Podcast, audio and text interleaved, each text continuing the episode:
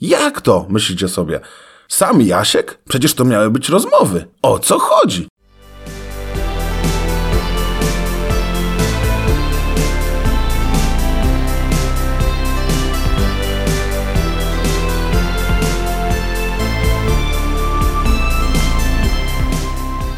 Cześć!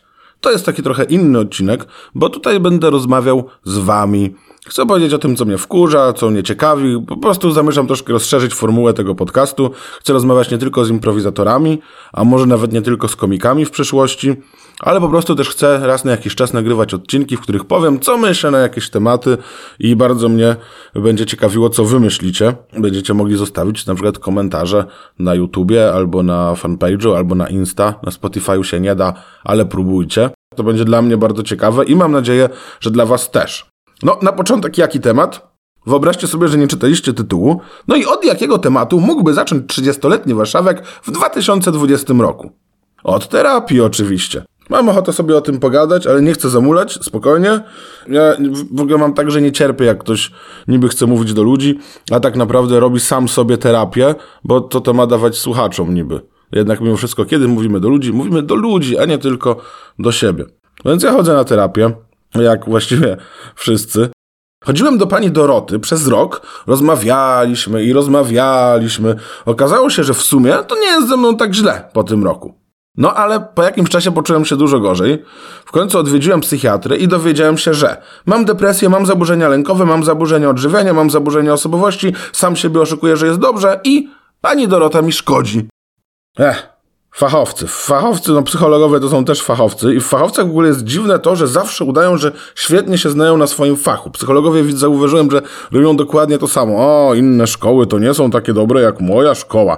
Jest trochę tak jak zamówisz hydraulika, żeby ci kran naprawił, on wejdzie do mieszkania i od razu Panie, kto panu tę wannę montował? Kto te kafelki kładł? Boże, kto to panu tak spieprzył? Potem chodziłem do pana Roberta i on też się lubi czuć fachowcem w swoim psychologicznym fachu. Jak przyszedłem do niego i opowiedziałem mu o swoim roku w terapii i pogarszającym się stanie, to tak spojrzał na mnie, zajrzał mi w głąb duszy i powiedział: Panie, kto to panu tak spieprzył? U psychologa w ogóle trudny jest sam początek sesji. Siadasz na fotelu i jak zacząć, o czym mówić w ogóle? Naprawdę jest trudno znaleźć takie pierwsze słowa, czasem to trwa długo. Wielu moich znajomych chodzi do psychologa oczywiście i czasem sobie o tym gadamy. Ja lubię, jakoś mnie to ciekawi i lubię pytać ludzi, jak u nich się w ogóle zaczyna sesja. No i podobno pani Ilona za każdym razem mówi dokładnie to samo. A co tam się wydarzyło w ciągu tygodnia? Podobno pani Kasia zawsze zaczyna, a co tam u pana? E, pan Krzysiek zawsze zaczyna od, no to co dziś pan wniesie do terapii? A pan Robert robił tak, że zakładał ręce na ręce i patrzył w oczy w milczeniu. Było to dosyć straszne. Chociaż kiedyś było tak, że pan Robert miał troszkę inny humor. Wchodzę do niego do gabinetu, siadam na fotelu, on siada naprzeciwko mnie, ja czekam na spojrzenie. Wtedy pan Robert robi dowcipną minę i mówi, no i co tam na polu walki wewnętrznej? no terapia to są ogólnie dramaty, podróż przez cierpienie. Na przykład przez cierpienie niedogadywania się z rejestracją. Teraz chodzę jeszcze do kolejnej terapeutki, ale już, już chyba tym razem wszystko dobrze idzie. I przez to, że była izolacja, mieliśmy y, terapię przez Skype'a, ale potem przestaliśmy mieć przez Skype'a. No i kiedyś ja wchodzę tam do, do tego, mówię, dzień dobry, ja tam do pani Ewy.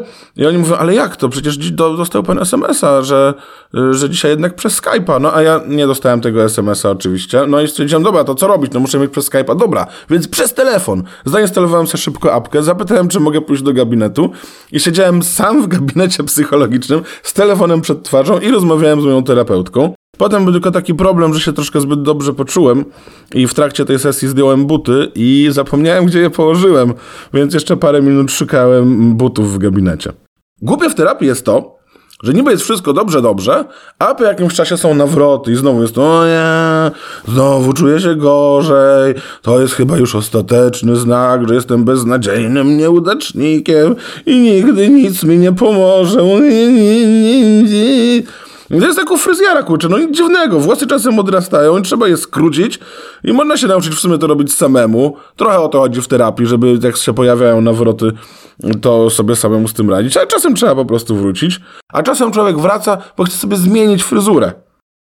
Jak chodzisz na terapię, no to musisz ufać swojemu terapeucie. To trudne, bo chcesz wierzyć, że to jest taki człowiek bez skazy.